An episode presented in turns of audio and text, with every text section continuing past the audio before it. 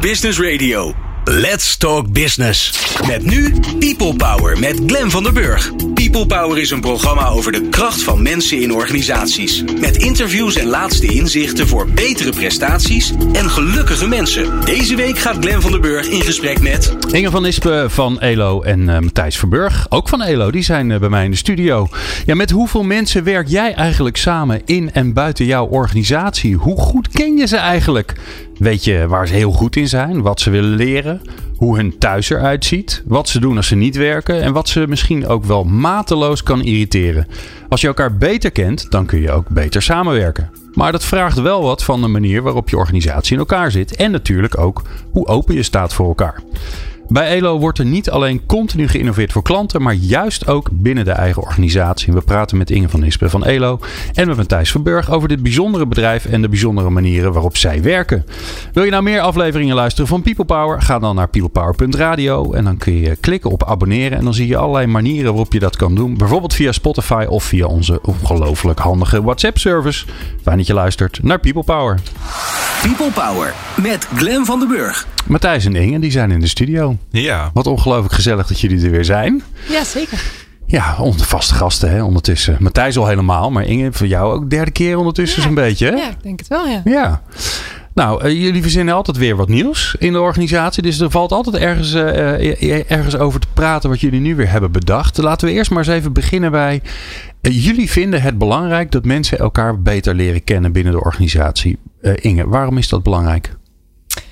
Nou, als je elkaar beter kent, dan snap je elkaar beter. En um, dan, als je beter weet waar mensen echt uh, energie vandaan halen, waar ze echt voor gaan, wat echt belangrijk voor ze is, dan kan je denk ik op een ander niveau met elkaar samenwerken. Ten eerste omdat je denk ik ook beter het werk kunt verdelen, omdat je weet waar iemand echt enthousiast van wordt.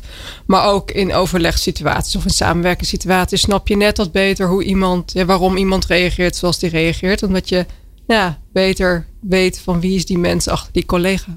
Ja, ga, gaan er daardoor, gaat er dan ook veel dingen mis omdat je juist die finesses niet snapt?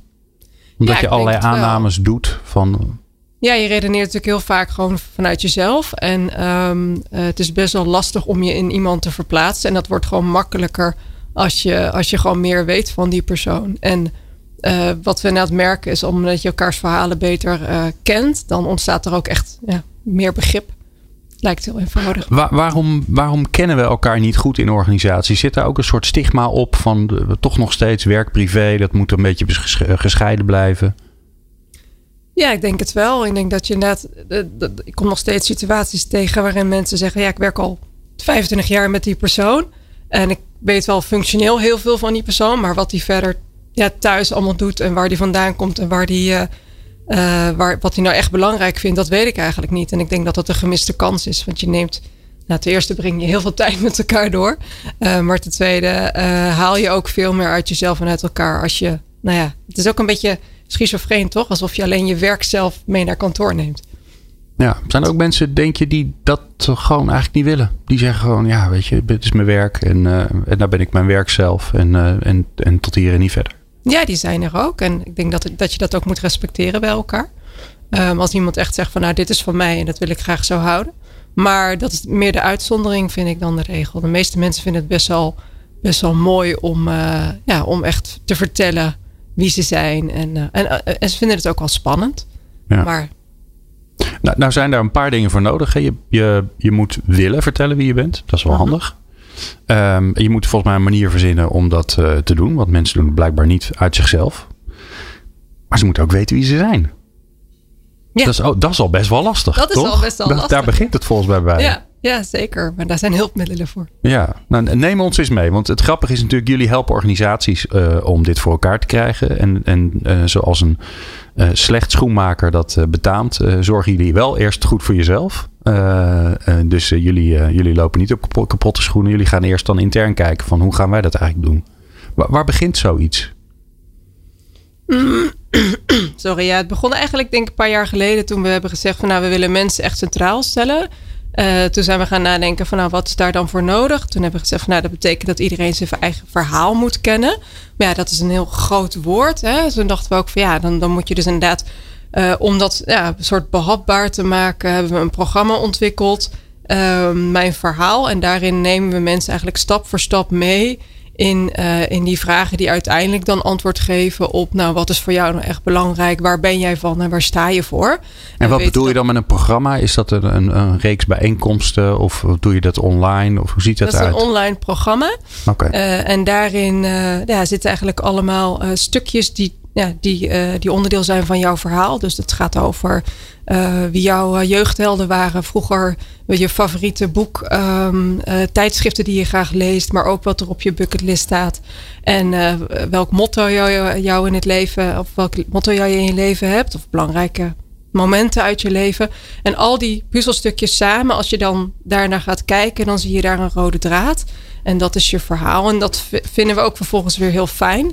Want het is, um, mensen vinden het heel fijn als al die losse stukjes bij elkaar toch in één keer een soort log logisch geheel lijken. En dan denk je, oh ja. En gebeurt dat altijd? Ja. ja, Grappig. Dus er zit een soort in ons onbewuste zitten, ja, zit, zitten allerlei diepere drijfveren die je eigenlijk naar boven haalt met dat verhaal. Mooi. En dat hebben we met dat programma, uh, helpen we mensen om dat verhaal voor zichzelf te creëren. En dan is de tweede stap dat je dat verhaal gaat delen. Maar je moet inderdaad eerst dat verhaal voor jezelf hebben. Ja. Oké, okay, dus dat is, stap 1 is dat je daar zelf mee aan de gang gaat. Ja. En dan? En dan? ja, ligt eraan. Het is heel leuk om het bijvoorbeeld in je team met elkaar uh, te delen. En bij, uh, bij ELO hebben we een werkvorm gezocht om het uh, meer ELO-breed met elkaar te delen. want net wat je zegt, het is niet zo dat je op maandagochtend binnenkomt en zegt van... hé hey jongens, luister even, ik ga even mijn verhaal vertellen. En ja, zo werkt het ja, niet. Dus je nee. hebt altijd een aanleiding nodig om dat verhaal te delen. En voor mensen individueel is vaak de aanleiding dat ze, nou, even uh, bijvoorbeeld uh, willen nadenken over een volgende stap in een loopbaan. Dat is een, een, aanleiding. Maar om het echt met elkaar te delen, heb je, de, heb je vaak gewoon een, een interventie nodig. Dus die plannen we dan ook maar gewoon in. zij, zei, alsof het de normaalste zaak van de wereld is. Ja. Uh, Matthijs, voor de frequente luisteraar, die weten dat jij de onderne een van de ondernemers bent achter ELO. Ja. En voor ELO en naast ELO. Eigenlijk ben je overal zo'n beetje wat te vinden. Ja, ja. Waarom past dit zo bij jullie om dit op deze manier te doen? Nou, het is een beetje wat Inge zei. Hè?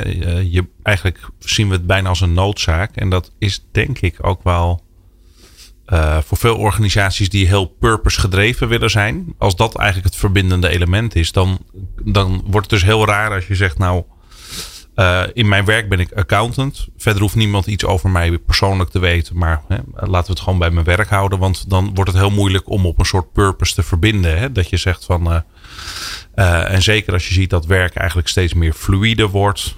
mensen zitten in projecten. Het zijn meer gelegenheidscoalities, zeg maar. Hoe je Hmm. samenwerkt. En um, ja, door dat verhaal maak je ook een link naar waarom wil ik eigenlijk bij deze groep of dit bedrijf horen of wat dan ook. En als, als je dat helemaal niet voor jezelf weet of niet deelt of wat dan ook, dan wordt het dus ook heel moeilijk om met elkaar naar een soort groter doel toe te werken. Dus wij hadden iets, dat verhaal. En dat, je kunt natuurlijk zelf kijken hoe diep je naar binnen gaat. Hè? Je kunt zeggen, dit is een, uh, een uh, idool voor mij en uh, dit motiveert mij en zo kom ik het best tot mijn recht. Je kan ook zeggen, natuurlijk voor jezelf een laagje dieper gaan, waar komt dat eigenlijk vandaan? En uh, het tot en met misschien wel uh, dat je voor jezelf een hele analyse maakt. Uit wat voor gezin kom ik? Wat voor rol had ik daar? Um, het is niet per se, je bepaalt zelf op welk niveau je gaat en wat je deelt. Hè? Het is niet zo dat iedereen het gevoel moet hebben dat je hè, met een soort collectieve psychotherapie bent begonnen. Ja. Uh, maar het zet je aan het denken om voor jezelf scherper te krijgen van uh, waarom word ik daar wel blij van en daar niet blij van.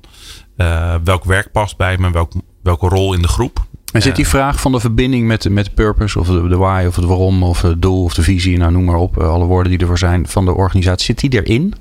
Zit die in dat nou, verhaal? Uh, niet letterlijk in de zin van uh, schrijf de purpose op en uh, wat heb je ermee, maar wel waar, waar kom je goed tot je recht? Waarom eigenlijk? Wat past bij je? Wat zijn je ambities? Uh, en die kun je. Uh, het is jouw verhaal. Hè? Dat mag ook in een loopbaan zijn. Misschien helemaal niet in een purpose gedreven organisatie. Maar voor jou de kapstok om juist een andere keuze te maken. Maar het is wel heel logisch om te zeggen. Nou, wij streven in dit bedrijf naar dit ideaal. leg jouw verhaal er eens naast. En kijk eens of het matcht. En misschien kom je tot de conclusie. Het is helemaal niet handig eigenlijk dat ik hier zit. Ja. Of ik ben niet helemaal op mijn plek. Ja, gebeurt dat wel eens zingen? Dat er collega's zijn, of misschien bij klanten, dat het gebeurt dat mensen denken, als ze, als ze door, die, door die vragen heen zijn gegaan, door die opdrachten heen zijn gegaan, dat ze tot inzicht komen, ik zit hier gewoon helemaal niet goed.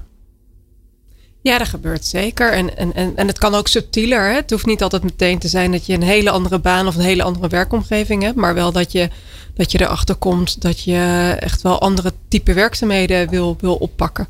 Of dat je inderdaad misschien eens een keer naar een ander team zou willen. Omdat je merkt dat je ja, andere behoeftes hebt. Ja. En, um, en vaak is het ook andersom. Hè? Dat mensen uh, dit, dat verhaal gaan maken omdat ze merken dat er iets niet helemaal lekker zit. Dat ze merken van hé, hey, mijn werk kost me veel te veel energie. Of, dus dan is dat juist weer een aanleiding om echt dat verhaal te gaan maken. Het is natuurlijk nooit af.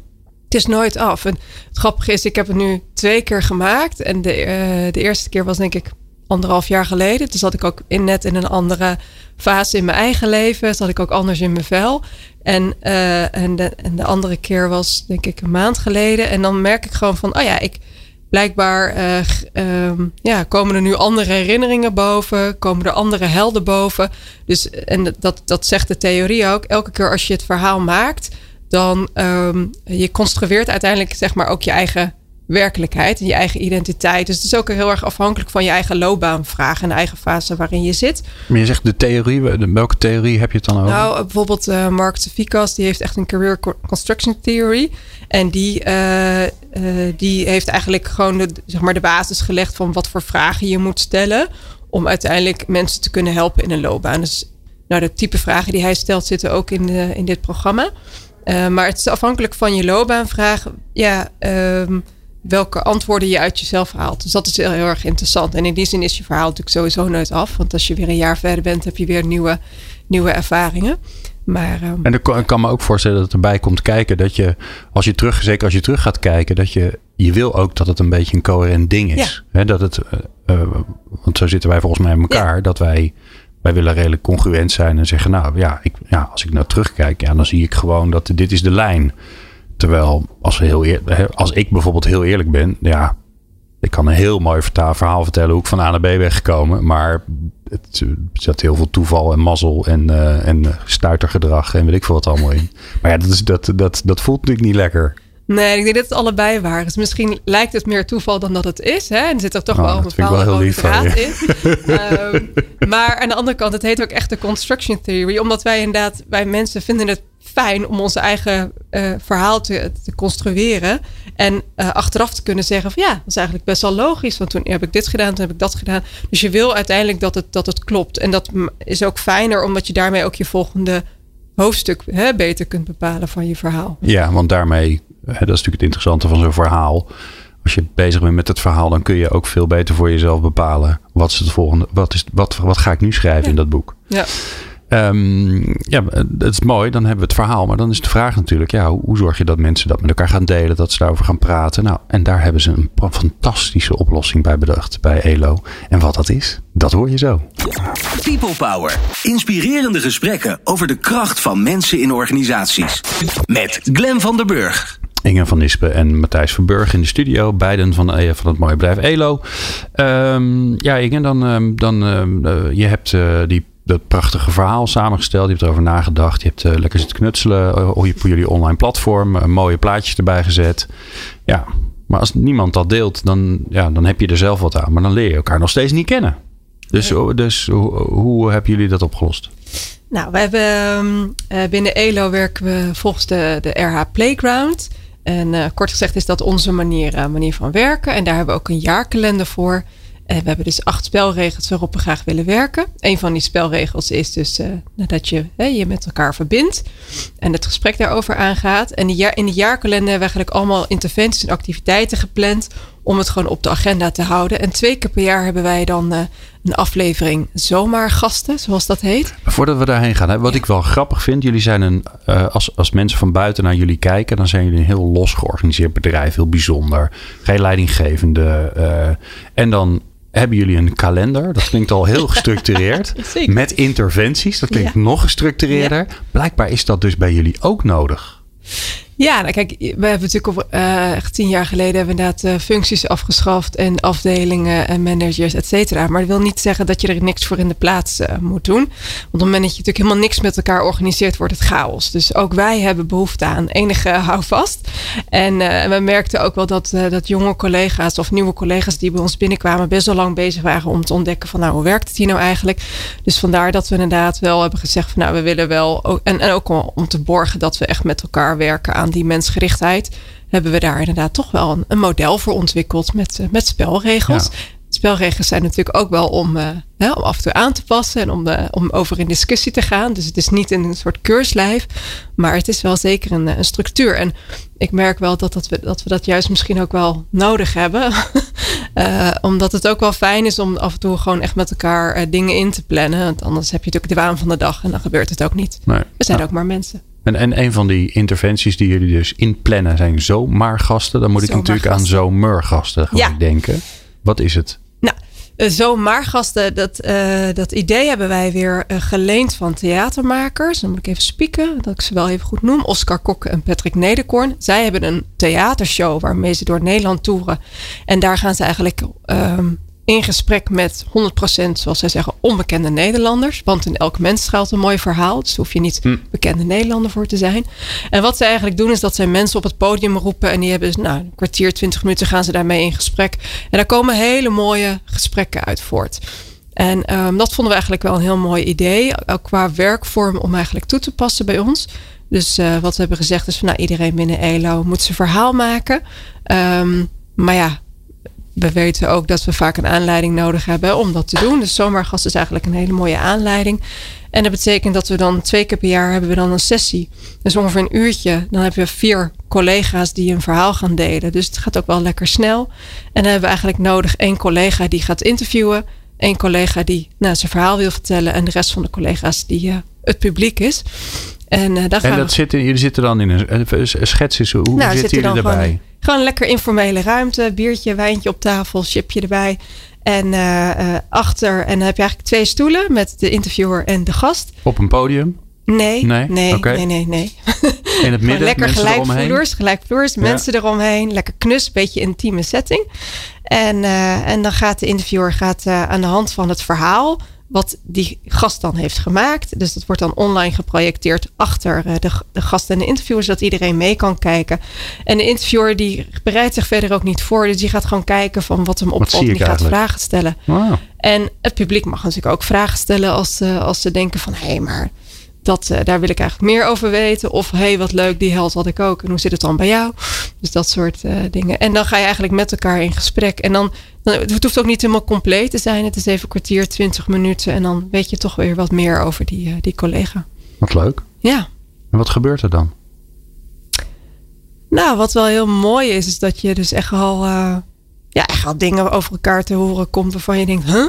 Nooit geweten. Nou weet ik bijvoorbeeld sinds een maand weet ik dat een collega van mij nog heel graag serieus een keer een ruimtereis zou willen maken. Okay. Dat vond ik echt heel grappig. Ga ik toch anders naar hem kijken.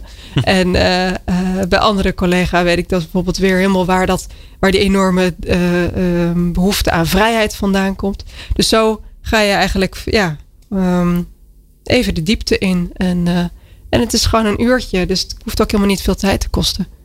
Merk je nou dat dat, dat uh, want dat, dat uurtje en die kwartiertjes die zijn natuurlijk heel kort en intensief. Ja. ja. Merk je dat dat, dat, dat doorwerkt in, in de organisatie, in de gesprekken die daar daarna of de volgende dag bij het koffieautomaat of bij de lunch, merk je dat het, ja, dat het, dat het een soort van ook het, het gesprek sowieso verandert?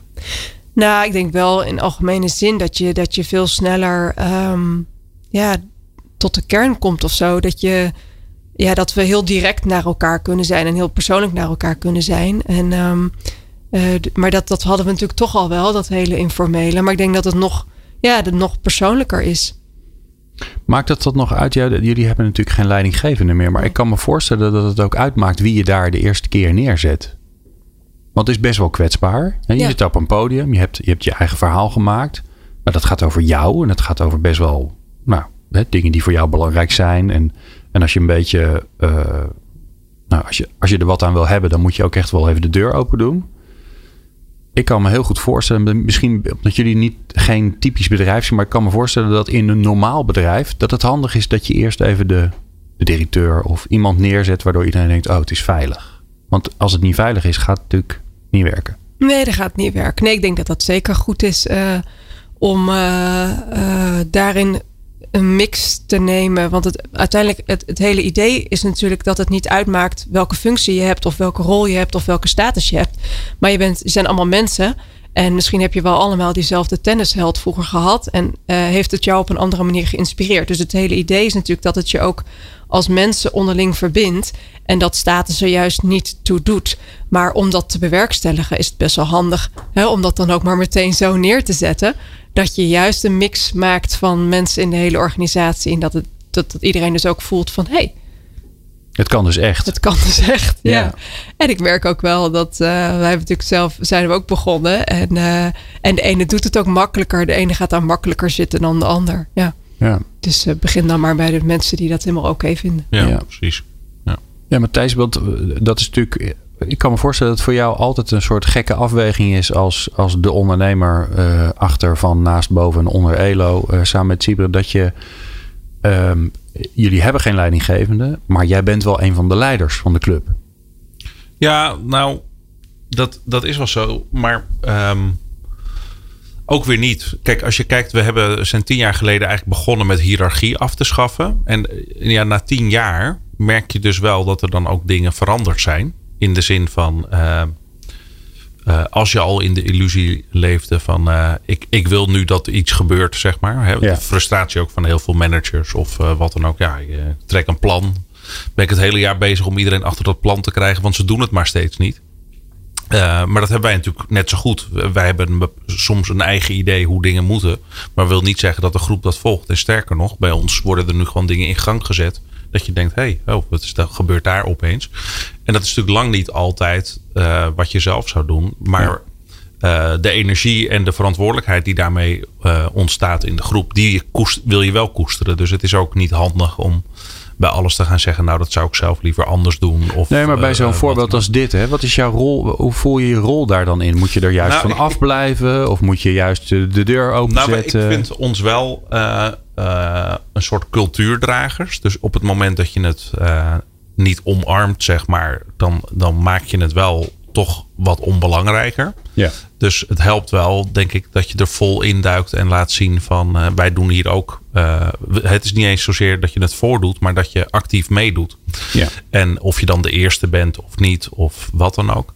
Uh, het helpt, denk ik, sowieso dat er mensen in de groep zijn, of wij dat nou zijn, of anderen waarvan uh, die een soort voortouw durven te nemen van uh, ik loop wel eens even voorop, zodat andere mensen iets hebben. Oh, nou, weet je, het is eigenlijk best wel positief dit. Ik zou zelf niet zo snel beginnen. een soort firestarters heb je altijd wel nodig. Maar dat, dat kunnen wij zijn, maar hoeft niet per se, denk ik. Nee. Nee. Ik heb het wel eens, ik heb dit wel ook wel eens. die had daar verder niet zo'n heel verhaal omheen. Kees Pater, die ken je denk ik ook wel hè, van de ja. koekjesfabriek. Ja. En die is een keer gaan zitten met uh, uh, de, eigenlijk zijn medewerkers. En toen heeft hij, uh, ik geloof, een uur of twee uur over zichzelf verteld. Alle kwetsbare verhalen over hemzelf. Waar hij van wakker ligt, waar hij bang voor is, waar hij trots op is en wat dan ook. En dat was, vond ik wel, hoe hij dat vertelde, was dat echt zo'n moment van.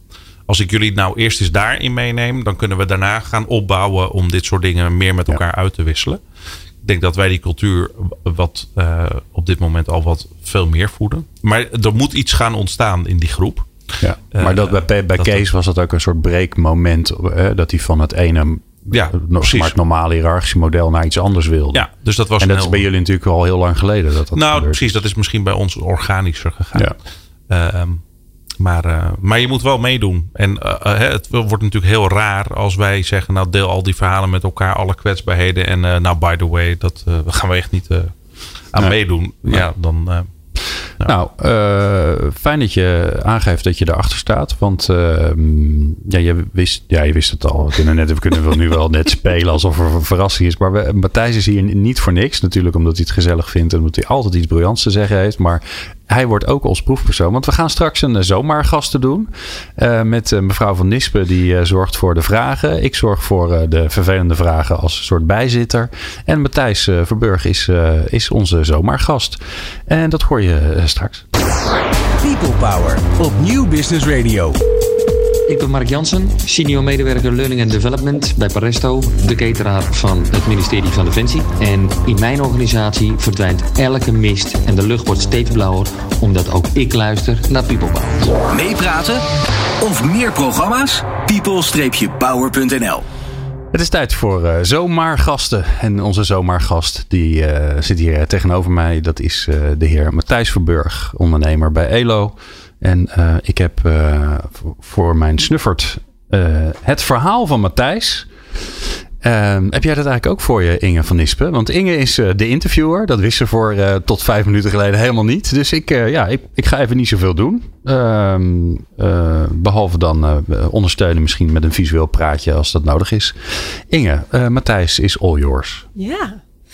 Nou ja, ik ben altijd het meest benieuwd naar, naar de jeugdhelden. Dus ook maar bij jou, Matthijs. Ja. En uh, het leuke is dat jeugdhelden stiekem heel veel zeggen over eigenschappen die jij eh, zelf hebt, dan wel heel graag zou willen hebben. Precies. Dus uh, wie waren jouw jeugdhelden vroeger en waarom? Um, nou, ik mocht er drie uitwerken, zeg maar. Dus het is natuurlijk. en ik had Michael Jordan, de basketballer. Ik had Anton Corbijn, dat is de fotograaf. Ehm, en um, Steve Biko, ik denk dat die naam minder bekend is dan de andere twee. Het zijn ook hele verschillende mensen. Ja. Dus uh, ja. Michael Jordan, bijvoorbeeld. Nou ja, Michael Jordan, voor de mensen die dat niet kennen, dat is natuurlijk de meest briljante basketballer die er eh, denk ik ooit geweest is. En uh, een beetje net als uh, zo'n Johan Cruijff, een soort legende is waarvan mensen iets hebben, die heeft die sport helemaal veranderd. Heeft Michael Jordan dat met basketbal gedaan. En eigenlijk, je kan het in cijfers uitdrukken, maar eh, eigenlijk de elegantie en uh, de atletische kracht van hem, zeg maar, dat laat zich niet zo in al die getalletjes uitdrukken van hoe vaak hij gewonnen heeft, alles.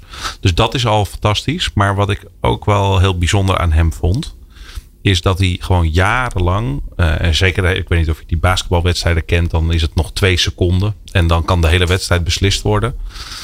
Dan moet iemand die bal krijgen en die moet ook scoren. En dat heeft hij, denk ik, honderd keer gedaan om op die manier wedstrijden te beslissen. En dat je altijd op zulke momenten er staat en dat kunt. Met alle druk die er op je staat. Dat vind ik ook wel een soort vakmanschap waarvan ik denk los van al zijn talent. En uh, dat is fantastisch om naar te kijken. Maar dat is ook wel een soort element, denk ik, van uh, nou, dat vind ik wel heel inspirerend. Ja. En is dat dan iets wat je bij jezelf herkent? Van het, het, het, kunnen staan op de momenten dat het echt nodig is? Ja, dat, vind, dat is wel voor mij een beetje zo'n uh, zo'n uh, ja, een soort stilzwijgend motto of zo in mijn leven wel. Van, of dat nou je in je gezin is, dat was vroeger al. Uh, met alles wat er gebeurt in je familie. Van ben je er op de juiste moment of als het moet. Of mensen hebben je echt nodig. Dan geef je dan thuis. Hè? Of voor vrienden. Of als je, dat geldt ook als je een eigen bedrijf hebt, een ondernemer bent. Er zijn periodes, dan kun je het misschien wat laten versloffen. Maar er zijn ook momenten, dan ben je aan zet en dan moet je er ook staan. Ja, en dat is wel iets wat in ieder geval wel bij mij past. En uh, ik, ik, wil mezelf verder niet vergelijken met Michael Jordan. Maar dit, dit element, die, ja. dat is wel, vind ja. ik wel een mooi, uh, uh, mooie eigenschap. En die probeer ik zelf wel te hebben. Ja. Maar dat vraagt ook wel om een bepaalde, ja, hoe moet ik dat noemen, een soort rechte rug hebben. En, en um, ja, ook wel confrontaties durven aangaan. Maar ook wel, dan moet je ook heel goed weten voor welke principes je staat of zo. Ja. Wat zijn dat dan voor, voor jou? Wat zijn nou de momenten dat je denkt, ja, nu. nu... Nou, um, het grappige is dat ik dat dan eigenlijk minder voor mezelf doe. Dus in de zin van, uh, nu wil ik dit of uh, wat dan ook. Dat, dat kost me dan eigenlijk meer moeite. Dus om, om daar dan heel uh, recht voor te gaan staan. Maar juist als de omgeving je heel erg nodig heeft of je bedrijf vraagt nu om iets. Weet je, dat vind ik hele vanzelfsprekende dingen van. Dan moet je klaarstaan. En uh, ja, dat is dan een soort principe van uh, dat moet nu gewoon gebeuren en dan moet je ook niet zeuren. Moet je er staan. Dus moet dan, gewoon leveren. Ja, en dan, en dan, dus dan vind ik ook op zulke momenten als mensen dan iets hebben, ja, ik kan dat allemaal niet. Of uh, oeh, de druk wordt wat te groot of wat dan ook. Dan ik ook iets van ja, dus, er zijn dan toch een aantal mensen die het dan wel fixen en anderen niet, zeg maar.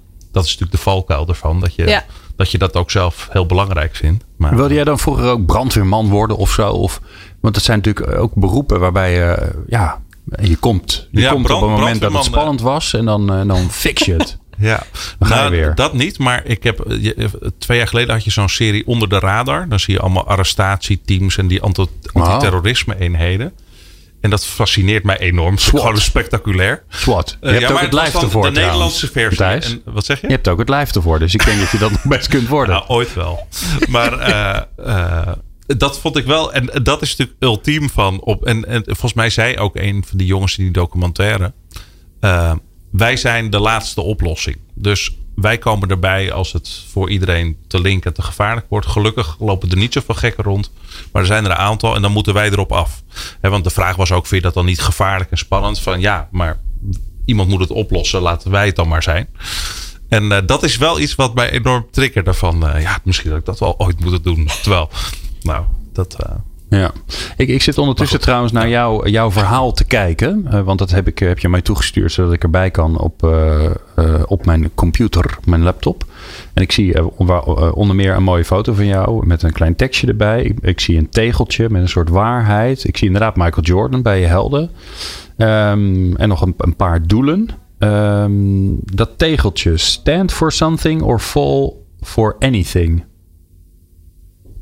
Kan je dat toelichten? Ja. Wat, wat, wat is dat? Ehm, nou, een van de, de helden die ik ook heb genoemd is eh, Steve Biko. Dat was een eh apartheidsstrijder hè, in Zuid-Afrika. Is gruwelijk om het leven gekomen. Best een dramatisch verhaal. Eh, Ja, maar mooi dat nummer is, van Peter Gabriel trouwens. Biko. Ja. ja, en je hebt Cry Freedom. Dat is de film ervan. Dat is ook heel mooi. Maar ehm, dat, die heb ik op vrij jonge leeftijd gezien. Dat heeft toen wel indruk gemaakt van... hey, dit is dus iemand die voor principes gaat. Hij wordt met het, zijn leven bedreigd. Zijn hele familie. Iedereen die hem helpt wordt ook eh, eh, omgeven met gevaar. En ja, ik heb zelf wel iets van... eh, eh, mensen die ergens voor durven te staan. Hè? Of ze nou eh, een, iets willen veranderen. Of opkomen voor dingen die moeilijk zijn. Eh, of waar de massa van zegt van, eh, weet je wel, doe niet zo moeilijk. Eh, daar heb ik wel echt wel een zwak voor. En ik vind ook zelf, als je dat iets afzwakt, zeg maar. Hè, in de zin van, je moet ook ergens voor staan. In plaats van met alle winden maar meewaaien. Ik vind dat zelf wel belangrijk. En weet je, dat doen we met ons bedrijf ook. In de zin van, we gaan niet zitten. Nou, zeg maar wat je wil. En dan eh, kunnen wij eens kijken hoe we dat allemaal voor je gaan fixen. We hebben ook een beetje iets, dit is ons verhaal. En daarbinnen kunnen we jou helpen. En als dat helemaal je niet aanspreekt. Nou, dan moet je misschien ook niet bij ons zijn. Nee. En ehm, dat is een hele milde vorm ervan. Maar we zijn natuurlijk nou, omgeven nu met mensen die gewoon eh, de barricades opgaan. En omdat er iets moet veranderen in hun ogen. We- Weer wel, hè? Dat is ook lang weg geweest. Ja, en, dat, hè, eh, en waar dat dan ook over gaat. Maar ik heb wel iets van. Ik vind het gewoon goed dat er weer eh, niet alles maar praktisch weg onderhandeld wordt of wat dan ook. Maar dat het weer tijd is om ook voor principes te gaan. Ja, dat kan dan soms ook een principe zijn waar ik niks mee heb. Maar ik vind het wel. eh, ik, ik heb liever met eh, dat gesprek met mensen die daar dan, ook al denken we heel anders, ergens voor staan. Dan een soort van, eh, nou, mij maakt überhaupt in het leven niks uit, zeg maar. Dat, eh, Nou, en dit dan een kwartier. En bedoel, we hebben nu al veel te weinig tijd. En, en men, eh, dat is ook niet raar, want dit was geen kwartier. Maar een kwartier is dan ook wel best wel weer kort. Toch, Ja, Inge? klopt. En het, het, Hoe zorg je dat je dat goed afrondt? Ik denk vooral door de verwachting van tevoren uit te spreken dat het maar een stukje is van iemands verhaal. En dat het ook vooral is om nieuwsgierigheid, denk ik, eh, op te wekken. En eh, niks. Maar hoe doe eh, je dat in de interventie? Gaat er een hele vervelende bel af? Of eh, staat er iemand heel charmant... eh, Nee, op de een of andere manier ging dat wel heel organisch. Dat Ja? we allemaal aanvoelden van, nou, nu wordt het wel tijd voor de volgende gast. En ja, niks let je natuurlijk om na dat uur gewoon eventjes met elkaar door te praten. Dus Ja. dat, eh, mooi. Dankjewel Matthijs, dat je Ja. de deur even open deed. Eh, maar eh, voor zover er niet altijd open staat bij jou. Ehm, eh, straks ben ik wel benieuwd eh, ja, wa- wat dit dan doet eh, bij jullie. Maar vooral ook bij andere organisaties. En hoe ze daarmee van start kunnen gaan. Dat hoor je zo. People Power. Inspirerende gesprekken over de kracht van mensen in organisaties. Met Glen van der Burg. Inge van Ispen en Matthijs Verburg in de studio van ELO. Uh, ja, we hebben net even een zomergastje gedaan. Want het was natuurlijk veel korter dan dat jullie dat normaal doen. Uh, ik vond het in ieder geval erg leuk. Weer meer geleerd over, over Matthijs. Uh, Inge, die, die helden, die zitten er heel prominent in. Hè? En jij zei zelf, nou dat, ik heb het zelfs opgeschreven. Je jeugdhelden, dat zegt heel veel over de eigenschappen die je zelf hebt. Of zou willen of hebben. zou willen hebben. Wat, wat zit daarachter? Want ik hoor het vaker terugkomen. Ik vind het zelf altijd een lastige vraag. Ja. Uh, want je moet ook maar een beetje van de helden zijn. Um, waarom, waar, ja, op, op, waar is dat op gebaseerd? Welke onderzoeken, psychologische gedachten? Nou, en dat dan kort. Ja, het is vooral gebaseerd op en het gaat echt over je, eigenlijk over de eerste zes jaar van je leven. Want daarin, uh, het gaat echt over de posters die je als kind zeg maar boven je bed had hangen. Want die zeggen heel veel over, uh, ja, als kind droom je natuurlijk van om op een bepaalde manier te zijn. Dus je vindt iemand inspirerend omdat hij inderdaad voor, voor iets vecht. Of omdat hij ergens heel goed in is. Omdat hij onwijs veel discipline heeft. Of wat dan ook. En dat zegt vervolgens heel veel over jouw ideale zelf. Um, en nou, het kan zijn dat je jezelf zo ontwikkelt dat je die eigenschappen ook hebt. Of dat je ze eigenlijk stiekem altijd zou willen, zou willen hebben. Maar het is in ieder geval een soort drijfveer voor jezelf die jou gaande houdt in het leven. Omdat Ja. het, en als je al die eigenschappen ontwikkelt, of in ieder geval in een werkomgeving kan zitten, hè, eh, waarin je die eigenschappen, nou ja, nou, waarin je daarin wordt uitgedaagd, dan, eh, ja, dan werk je eigenlijk aan je ideale zelf. Maar dat, dat Maar je schijnt moet dus best ver terug dan. Ja, dus eigenlijk zou je moeten zeggen, wat zijn je, wat zijn je helden? En ga even terug naar de eerste zes Ja, jaar van je zijn leven. jeugdhelden. Ja. Want Ik, daar de laatste het- keer dat mij de vraag werd gesteld, zei ik Bruno Mars. Nou, toen, die, toen ik zes was, toen leefde hij nog niet eens. Dus dat was een verkeerd antwoord. Ja, en waarschijnlijk heeft hij wel iets wat misschien een jeugdheld ook had. Maar het gaat Ja. inderdaad even over terug naar de. Dat is denk ik met het hele verhaal. Je gaat een beetje terug naar de basis. Hè? Dus je gaat terug naar. Nou ja, wat is voor jou belangrijk? Welke ook, maar en een andere opdracht gaat ook bijvoorbeeld over welke herinneringen heb je nog van vroeger? Dat zijn blijkbaar momenten die heel bepalend zijn geweest voor jou in je leven. En hoeven helemaal geen grote of dramatische momenten te zijn geweest. Maar het zijn wel momenten waarin jij iets hebt geleerd van je ouders of van een baas of van een vriend of wat dan ook. Ja, Waardoor jij nu eh, bepaald gedrag vertoont. Dus het, ja. mooi. Ehm, nou ben ik eh, luisteraar. Nou eh, heb ik naar jullie geluisterd. Nu denk ik, ja, ik, hoe zit het eigenlijk met mijn collega's? Ken ik die nou echt goed of, of, of niet? Ehm, hoe zou je hier in, in een organisatie mee aan de slag kunnen gaan? Natuurlijk ELO bellen en jullie prachtige eh, spullenboel eh, eh, en, en services enzovoort. Maar stel je voor dat, dat ik gewoon een klein MKB'tje ben. Ik heb er allemaal geld voor. Wat, hoe zou je, hoe zou je, wat is essentieel om, om, om ermee van start te kunnen gaan? Nou, op zich is mijn verhaal heel goedkoop hoor. Dus Ja, dus nee, ook het hoeft voor niet, de het hoeft niet heel veel. eh, Het hoeft niet een grote eigenlijk. investering te zijn. Nee, het, volgens mij begint het gewoon met, eh, met vragen aan elkaar stellen. En, eh, en de tijd nemen om eens eventjes ja, met elkaar te onderzoeken van wie ben je nou eigenlijk allemaal. En waar word je nou echt enthousiast van. En hoe, En zorg je, dat vind ik wel interessant, want ik denk dat jullie die stap al geregeld hadden. Maar hoe zorg je dat het veilig voelt voor iedereen? Thijs? Nou ja, ik denk zelf. al- als, het, als, het, als, dat, eh, als dat niet automatisch veilig voelt, dan, dan is een setting de, eh, wat, die wat kleinschalig is, helpt. Oké. Eh, En ook dat iedereen dan aan de beurt komt. Hè? Als je in een groepje van vijf gaat zitten en je spreekt ook af, het is niet één iemand vertelt iets, maar we gaan alle vijf, hè, dan voelt het ook eerlijker of zo. Van nou, oké, dan gaan we dat in kleine groepjes doen. Dan kan je er eens wat uitlichten van, wel, wat, eh, eh, wat heb je, wat was voor jou het belangrijkste moment afgelopen jaar? Nou, dan gaan mensen allerlei verschillende dingen noemen. Eh, en zo ga je, hè, begin een beetje aan de buitenkant. En uiteindelijk merk je dat, komt het wel op gang. Maar je- je dus zeggen, een klein groepje, want dan is het al snel veiliger. Dan komt iedereen aan de beurt. Dus dan betekent het ook, hè, dan is het niet een soort free for. Hè, dus geen, hoe zeg je dat? Het is geen, eh, geen vrije keuze is of geen- je wel of niet meedoet. Nee, dus, ja. de, hè, dus, dus eh, de hoe jij op, erop reageert, zo gaat er op jou gereageerd worden. Dus dan, dan ga je toch waarschijnlijk wat, eh, nou ja, wat, wat normaler doen en wat vriendelijker doen. Eh, maar kon je dus ook zeggen, niet gelijk de meest heftige vraag van eh, gewoon een nou, als beetje het, kijk, wij, wij, wat, rustig aan. wij- bij ons is die sfeer natuurlijk, denk ik, gemiddeld genomen al eh, behoorlijk veilig. Dat zal misschien ook niet iedereen bij ons zeggen. maar de meeste wel. We hebben ook nog eens een club met heel veel psychologen. Nou, die zijn natuurlijk allemaal al überhaupt wel, hè, voordat je op de juiste manier feedback geeft of ontvangt volgens psychologen, ligt de lat wel hoog. Dus wij zijn niet een heel doorsnee gezelschap. Dat realiseer ik me ook wel. Dus ergens waar mensen meteen dichtklappen omdat ze het gevoel hebben: dit is veel te bedreigend of intiem of wat dan ook. Moet je dat misschien wat gedoseerd ja. aanpakken. Hè? En, als ja, en zo'n zomergasten zoals jullie dat doen, hè, met, met iemand die toch even in de spotlight staat, met iedereen erbij, ook al hebben ze een biertje, dat is toch.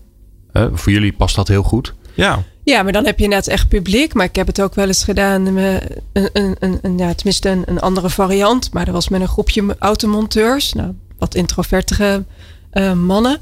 Uh, ja, allemaal mannen. Maar uh, toen had ik gewoon gevraagd: van, nou, neem iets mee van thuis. wat voor jou heel waardevol is. En, en, en, ik, en ik had wel van tevoren gezegd. En het is de bedoeling dat je er even kort iets over vertelt.